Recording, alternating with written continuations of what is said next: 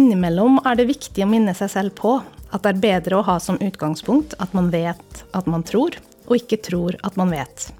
Hvis du gjør det, så åpner det seg for undring, og kanskje noen ganger en ny måte å tenke på noe du har tenkt på mange ganger før.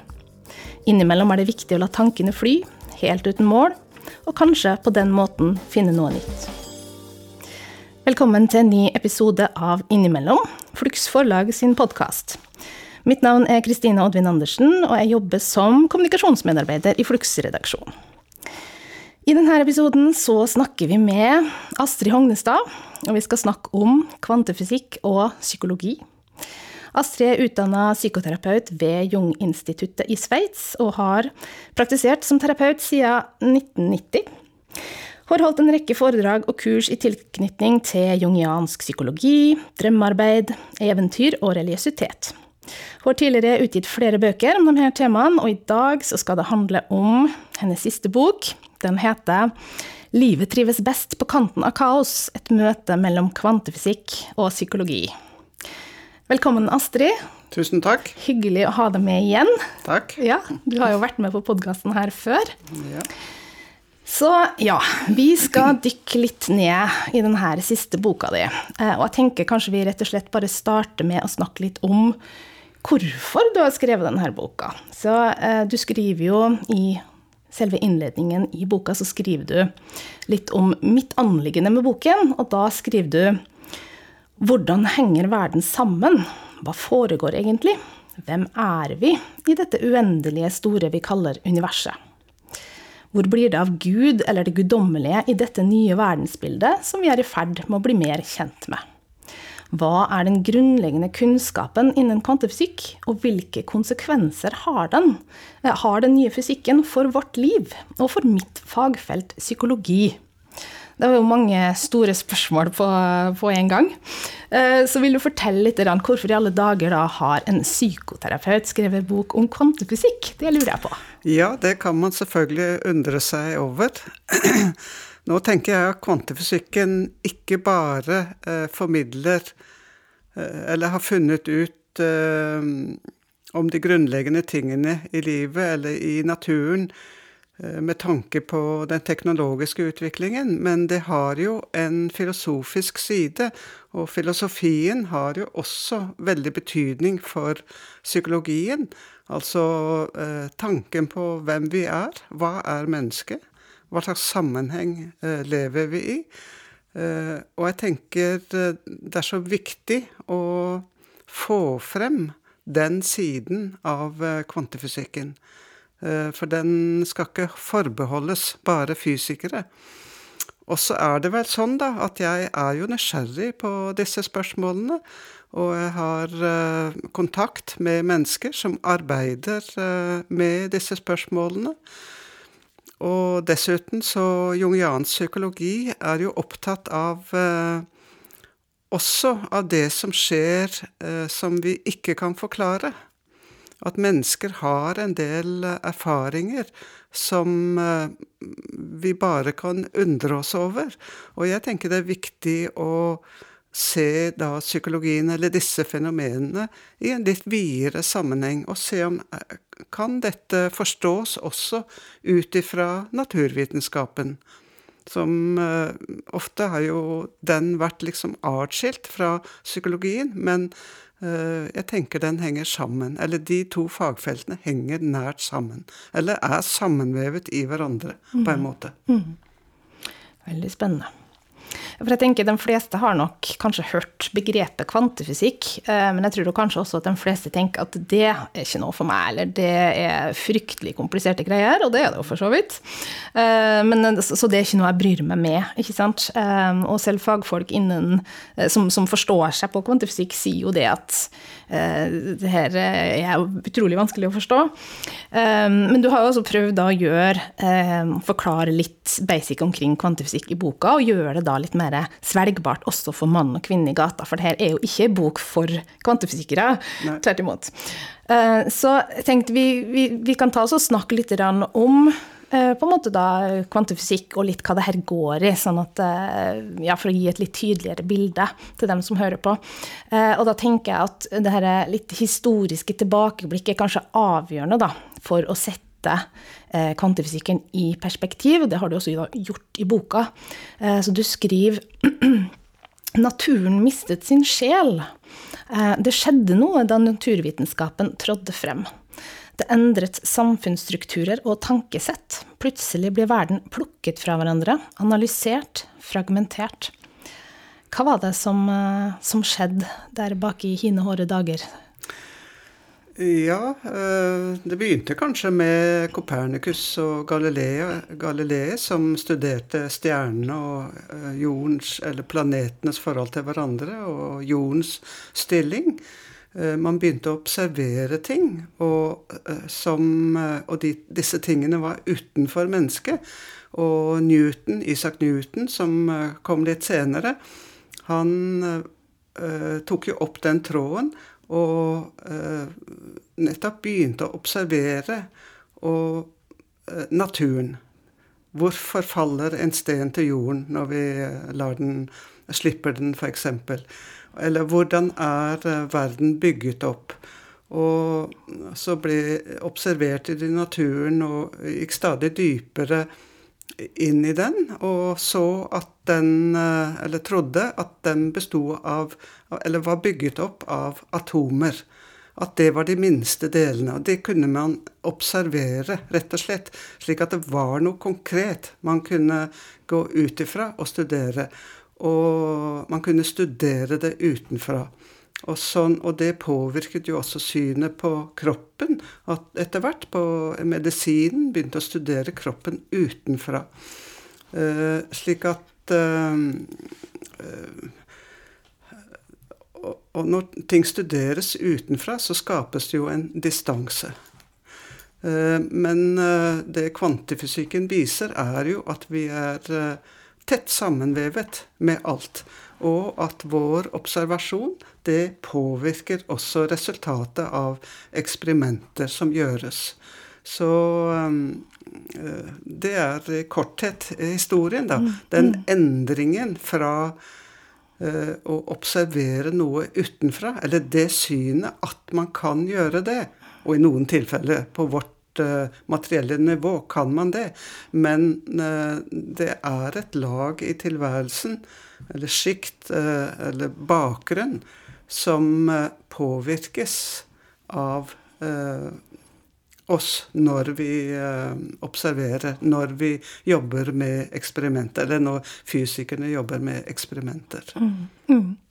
For det, for det, som egentlig da på en måte skjedde, var at naturvitenskapen ikke sant, eh, gjorde sin inntreden og fikk jo da veldig stor plass. Altså plutselig var det ja. det å beskrive alt som, eh, som, ble normen, og hva skal man si, Gud og religiøsitet og litt mer sånn overtro, den type ting, det ble jo skjøvet litt bort, kan man si. Ja, altså man eh, tenkte, begynte jo å tenke mye mer ut ifra årsak og virkning. Ja. Mm. At ting har en årsak, og ting kan forklares. Ja.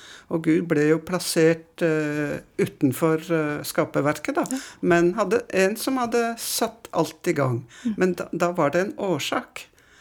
Men uh, Og vi har jo vanskeligheter for å slippe tak i den årsakstenkningen. Mm. Men det er jo det revolusjonerende i kvantefysikken. At er, ting skjer i eksperimenter som man rett og slett ikke kan forklare. Mm. Det er noe som er uh, uforutsigbart mm. i, uh, i uh, beskrivelsen, eller i det som skjer. Ja. Så det går jo ganske da på tvers av det som den, si, den klassiske fysikken, da, med Nettopp. Newton med epler som falt ned, at du kan kalkulere, ja, at du kan forutsi, ja. plukke verden fra hverandre, rett og slett. Det, den henger jo fortsatt veldig igjen. Den henger veldig igjen, mm. og den har vi vanskelig for å, å gi slipp på. Mm. Fordi eh, hvis ikke verden er eh, logisk, for, eh, forklar, eh, at vi kan forklare den, mm. Så blir det kanskje utrygt ja. for mange. Og lineær. At den ikke ja. lenger er lineær. Mm. Men kan du gi oss um, Kan du gi oss noe eh, eksempel som illustrerer, litt, illustrerer hva som kan være hvordan da klassisk fysikk og den nye fysikken, kvantefysikken, hvordan eh, I et konkret eksempel, hvordan de skiller seg fra hverandre?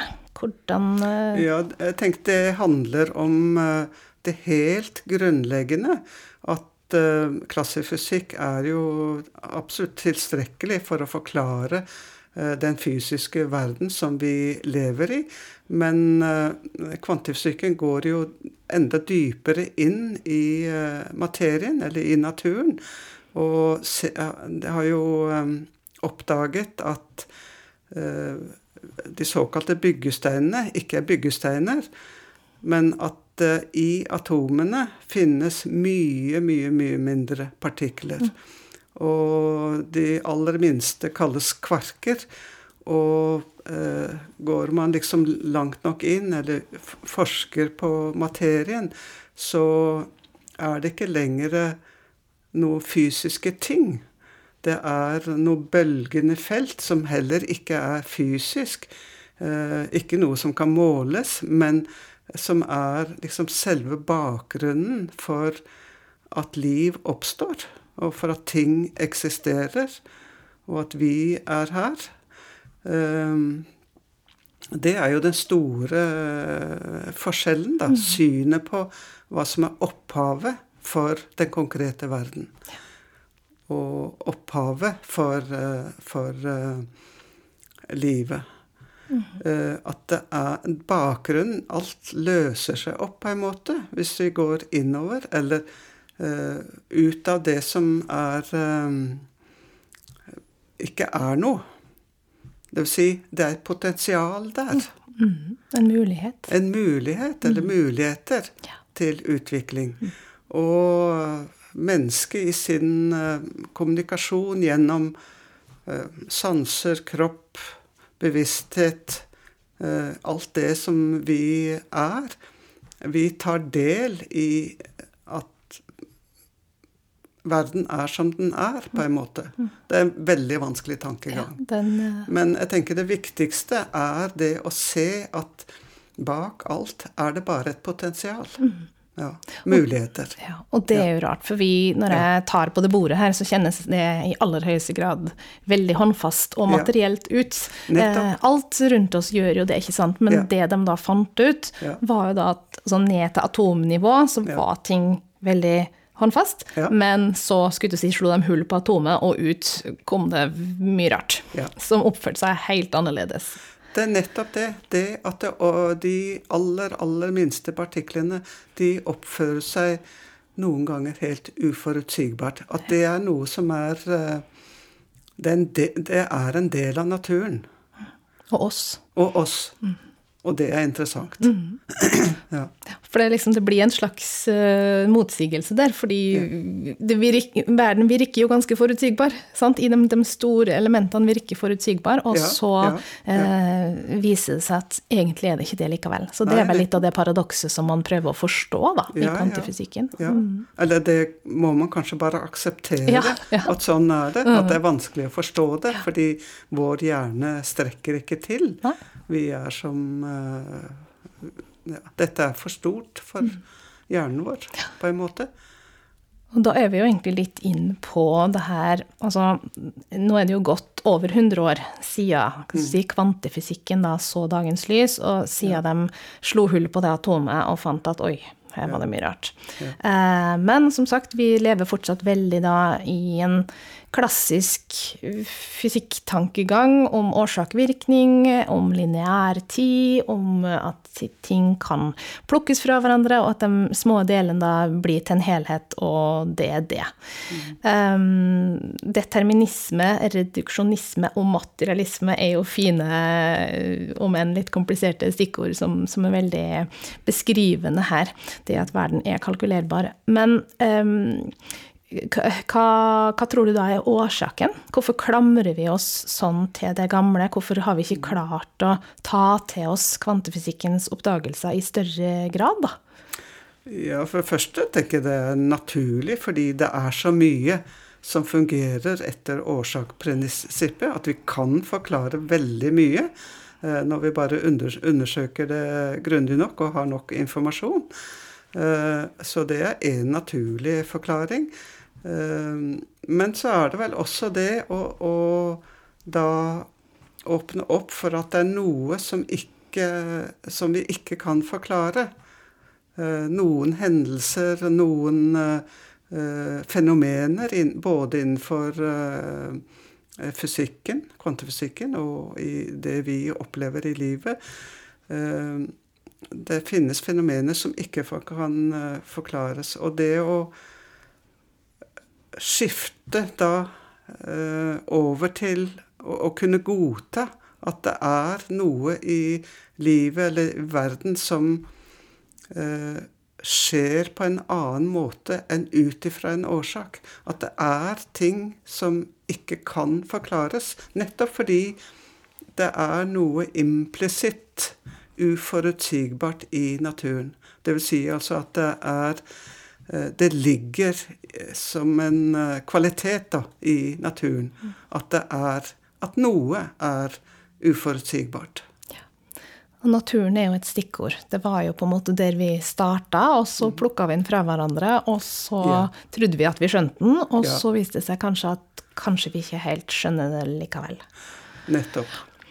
Men det er kanskje også nettopp, eh, tenker jeg da, altså vi skal snakke litt om det her i forhold til psykologi og si, sjelens eh, og psykens anliggende også. Jeg tenker, ja. Er det kanskje der nettopp da at um, at det her blir eh, rett og slett eh, mer aktuelt. At de her uforståelige tinga rett og slett kan ha sin plass.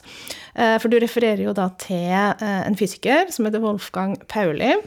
Og han og godeste Carl Jung, psykolog, de utveksla jo da ideer i sin tid, og så nettopp på hvordan de to fagfeltene da kanskje kunne finne noen felles holdepunkter. Mm. Um, og de bemerker bemerka at det som de her, altså kvantefysikk og psykologi har felles, er at det oppstår noe uforutsigbart, noe nytt. At det skjer en skapelse. De har faktisk brukt et mm. sånt uttrykk, og det er også litt ja. interessant. Nesten et, uh, et, uttrykk som mange forbinder med kanskje mer religiøsitet og guddommelighet. Skapelse. Mm. Eh, han Wolfgang Pauli han sa det ser ut til at det er en svært dyp forbindelse mellom sjel og materie, og følgelig da mellom framtidens fysikk og psykologi, men noe som ennå ikke er kommet til uttrykk i moderne vitenskap. Kan du si litt mer om det her, kanskje spesielt på det med sjel og materie? For det, i mennesket så ble jo det da, og i naturen ble jo det delt av den klassiske vitenskapen, ikke sant?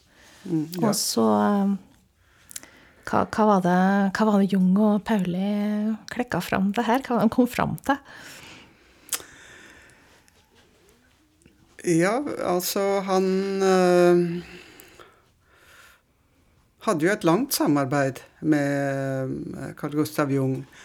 Uh, Carl Gustav Jung var jo på sin side veldig opptatt av kvantefysikk slik at det var naturlig at det oppsto et samarbeid mellom dem. Altså, Jung hadde flere eh, kontakter innenfor den uh, verden, den forskerverden.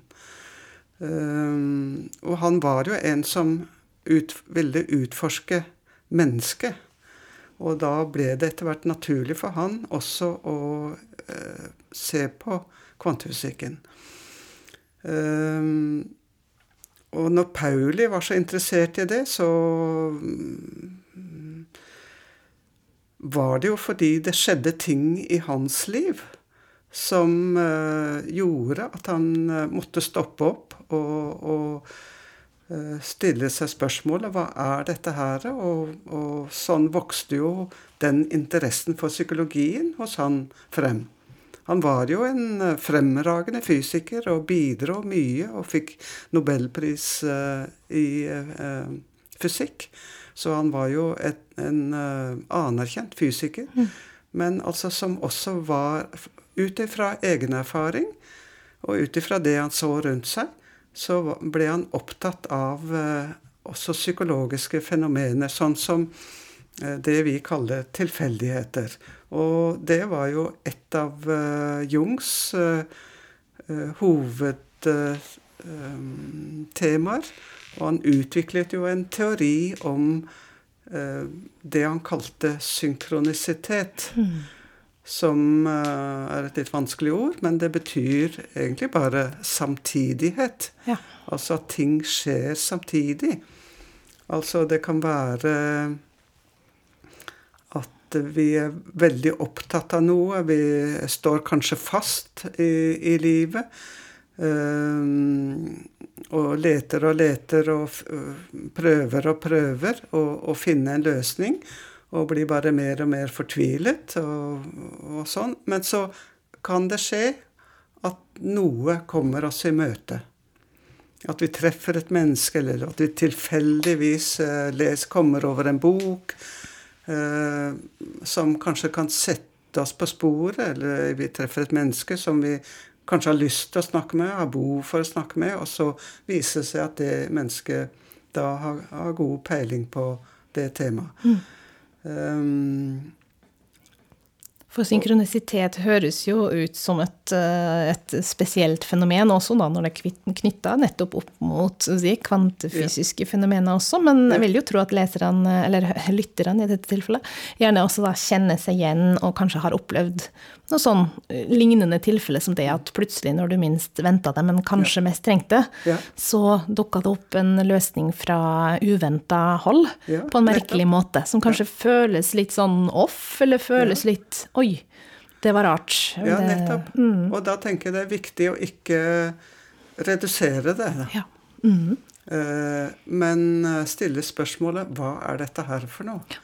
Uten kanskje å, å måtte ha en forklaring men akseptere at nettopp her kommer dette usikkerhetsprinsippet frem, eller viser seg. Ja. Og, og, og, Pauli var jo opptatt av det, da, og opptatt av Jungs teori.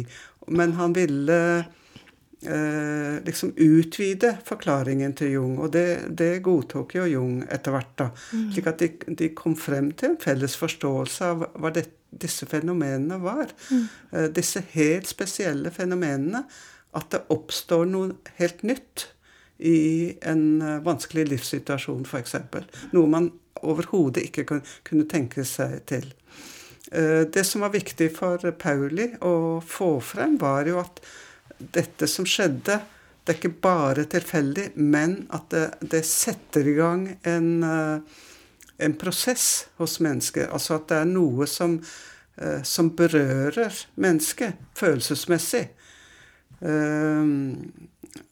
Og den delen var veldig viktig. I, i, mm. fordi det er jo alle uh, grader av den type uh, hendelser. Mye er tilfeldig i vanlig forstand. Uh, og det kan være merkelig nok, mye. Mm. Mens mange ting er såpass spesielle at man bare må undre seg. Og man vet at dette Eh, kjenner at dette får stor betydning for mitt liv. Man, eh, ja. og, og, og, og, Pauli var jo opptatt av å få med det aspektet med at det, det har en mening. Og det, det, var for så vidt Jung også opptatt av, men Pauli ville understreke det mer, og var mindre opptatt av at det skjedde akkurat samtidig. Ok. Ja. Så, så, budskapet er egentlig litt at, eh, at, vi skal ta det kanskje til oss og være litt åpen for det. Ja. For du sa eh, at vi ikke reduserer det. Det er jo kanskje litt den tendensen mange mennesker, moderne mennesker i dag har. At liksom en det, sånne overnaturlige eller merkelige ting, det, det vi, vi, kaller det bare for en tilfeldighet, da, for å ja, sette en enkel og, forklaring på det. Ja, man tenker at uh, hvis vi bare vet nok om det, mm. så kan vi helt sikkert forklare det. Ja. Og om 100 år så vil vi kunne forklare det. Ja. Men dette fenomenet kan man ikke forklare fordi det bunner mm. i noe uforutsigbart. Mm. Som er, ligger i livet, da. Mm. Ja, og ligger i naturen. Mm. Og, og, det er jo vanskelig for oss å godta. Ja.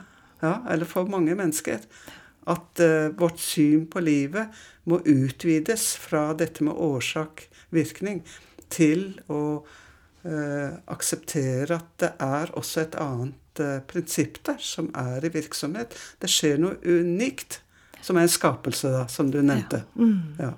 For å prøve å trekke sammen litt tråder, da. Um, så, så, det på en måte Jung og, og Pauli for så vidt sa, var at eh, de her fenomenene som da um, berører uh, psyken vår, eller vårt indre liv, eller Det kan rett og slett da til dels ikke forklares direkte, men ha noen likheter eller fellestrekk med det vi ser at skjer på kvantenivå. Ja, ja. Mm, nettopp. Rett og slett. Og at uh, Pauli mente at det på en eller annen måte har det felles, mm. uh, et felles opphav. Opphav. Utspring. Ja, ja. Mm. Uh, og at det er knyttet til bevissthet, hva nå enn det er. Ja. Det tenker jeg er mangfoldig, og det har vi ikke forsket nok på ennå. Og jeg tenker også at uh, fysikerne er mest opptatt av eh, det teknologiske, den utviklingen, som uh, selvfølgelig er viktig. Men for meg blir det viktig å fremheve nettopp den derre konsekvensen av dette usikkerhetsprinsippet, f.eks., eller andre fenomener, andre fenomener i, i eksperimentene mm. som skjer. Men usikkerhetsprinsippet er jo da et, eh, et sentralt eh, begrep innen kvantefysikken, og ja. beskriver vel egentlig det her at du eh, At nettopp de her elementærpartiklene er så uhåndterlig, eh, lite forutsigbar. Eh, hvis du klarer å si noe om posisjonen ikke sant, til et mm. sånt eh, element eller en sånn partikkel, så er det den andre sida ved egenskapene som plutselig vi ikke kan si noe om. Så det er eh, rett og slett eh, umulig, egentlig, å kunne gripe det an, da. Ja.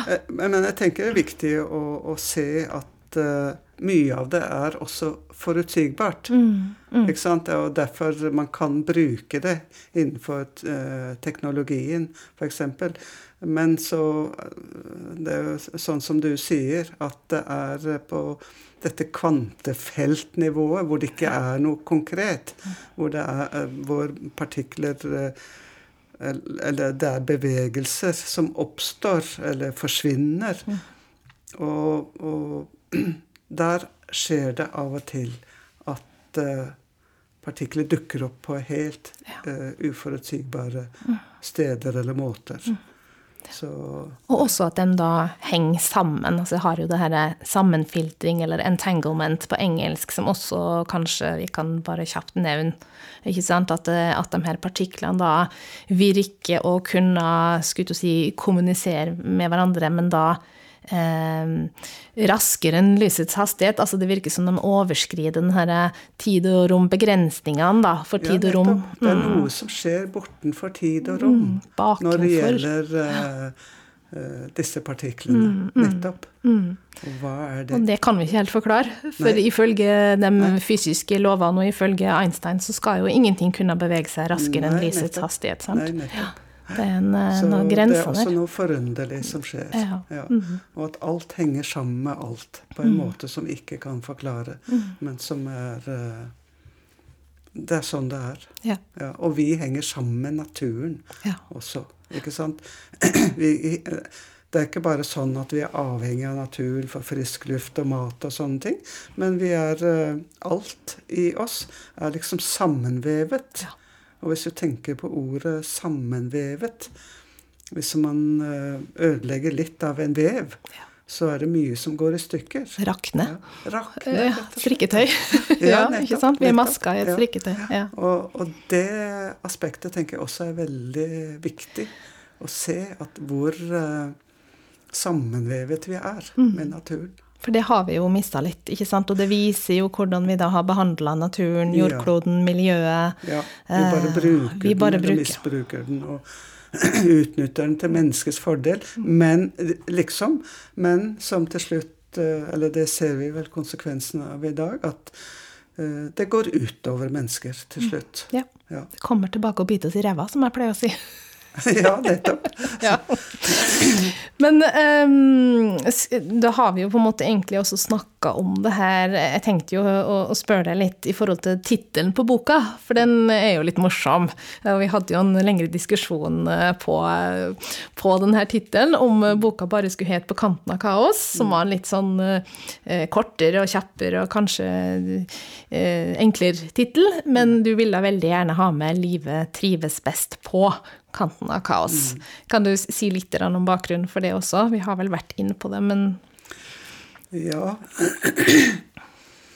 Eh, det er jo et uttrykk som er hentet fra matematikken, egentlig. Og ja. fysikken bruker jo matematikken som språk for å uh, beskrive de fenomenene de finner ut av. Mm. Uh, og det er jo ting i naturen som nettopp viser at når det nærmer seg kaos. Bare tenke på eh, en elv som flyter eh, nedover, kanskje fortere og fortere. Og så virker det som det er kaotisk når det støter på steiner og sånn, eller veld, går veldig fort. Eh, men så oppstår det jo hele tiden noen nye former. Mm. Virvler, da. Og stadig mindre virvler. Og når det er veldig kaotisk i en foss, så er det bitte små virvler. Eh, slik at det er noe med det at det oppstår alltid noen nye strukturer. Og det kan vi vel kanskje overføre på uh, livet vårt. Det er jo ikke alltid det skjer, at det oppstår nye ting. Det må vi også akseptere. Men mange ganger, spesielt da hvis det oppstår noe uventet, så, så, så er det gjerne fordi det åpner for noen nye perspektiver på livet og ny erfaring med livet. Mm. Um, så det, eh, den tittelen henger sammen med den, det at det oppstår noe nytt. At vi kanskje ikke skal være så redd for kaos, kaos. i livet. Ja. Rett og slett. Men, rett, men hilse det velkommen, på en måte. Um, og kaos kan da være en form for krise eller ja. dramatisk hendelse, ja, eller ja, kaos kommer i mange former? Det kommer i mange former. Mm. Uh, men uh, ordet kaos betyr jo opprinnelig tomrom. Ja. Mm. Altså, og hvis vi tenker på kvantefysikkens beskrivelse av kvantefelt, altså det, der som det er bare potensial. Eh, et slags tomrom. De kaller det vakuum. Det det der oppstår livet. Mm. Og jeg tenker vi eh, også godt kan tenke litt mer over at når vi kommer i kriser alle, De aller fleste gjør det i mm. løpet av livet.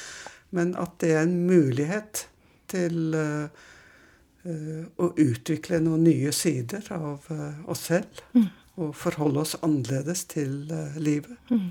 Så på kanten av kaos ja.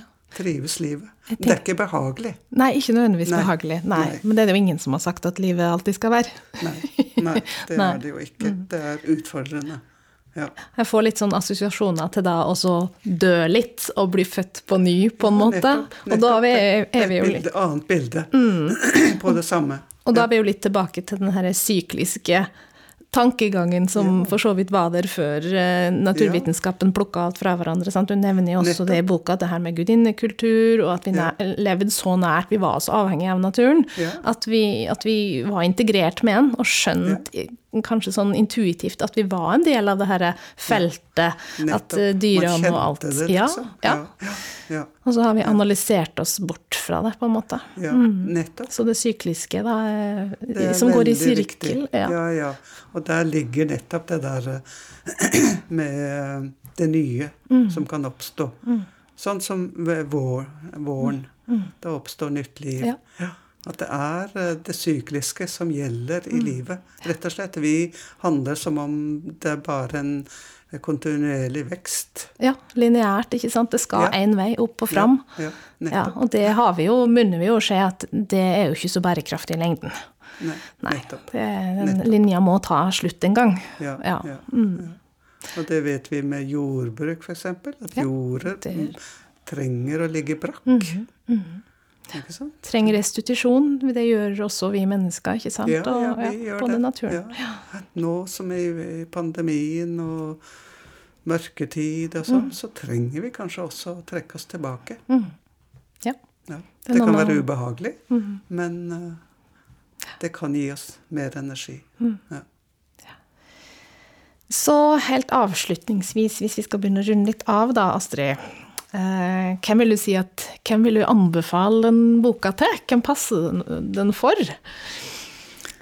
ja, jeg tenker de som er uh, nysgjerrig på livet. Ja, Ja, rett og slett. vi får håpe at det er noen av dem. vi får håpe at det er noen av dem, Ja, sier jeg. vi får håpe at, og det tror jeg jo absolutt det er. Ikke sant? Eh, nysgjerrig på livet, nysgjerrig på vårt forhold til natur, på, til kosmos. Eh, også til det vi kaller det spirituelle. Eh, av egen utvikling. Eh, Psykologi, kanskje. Ja, de, Ja. ja Mm. nettopp. Ja. Mm, et De litt som er perspektiv. interessert i psykologiske spørsmål, og, og dette temaet med, med synkronisitet. Tilfeldigheter. Mm. Ja. Som eh, helt til slutt så tenkte jeg vil ta med det her eh, sitatet som du åpner boka di med, for det syns jeg var så fint. Eh, Det er jo han Carlo Rovelli. Han er vel også fysiker. Ja, italiensk fysiker. kvantefysiker. kvantefysiker. Mm, en smarting. Ja. Han skriver da eh, rent po poetisk og filosofisk, for å, for å komme fra en fysiker, vil jeg si. Han skriver her, på grensen av det vi vet, foran havet av alt det vi ikke vet, lyser verdens gåte, verdens skjønnhet, og det tar pusten fra oss. Mm, det er vakkert sagt. Veldig, veldig vakkert sagt. Ja. Får litt gåsehud av den. Men eh, hjertelig takk, Astrid, for eh, praten. Takk skal du ha. Og takk til deg som hørte på. Eh, Flux det betyr bevegelse, og vi i Flux vi ønsker å nettopp bevege tanken. Du har nå innimellom eh, alle dagens gjøremål lytta til noe som vi håper vil inspirere deg til å tenke litt annerledes. Lydtekniker til denne podkasten har vært Danny Young i Gong Productions, og musikken er laga av Olve Flakne, spesielt til oss i Flux. Du kan lese mer om oss og vårt arbeid på flux.no, og der vil du, vil du også finne mer informasjon om bøkene våre, våre prosjekter og aktiviteter. Du kan også følge Flux forlag på Facebook og Instagram.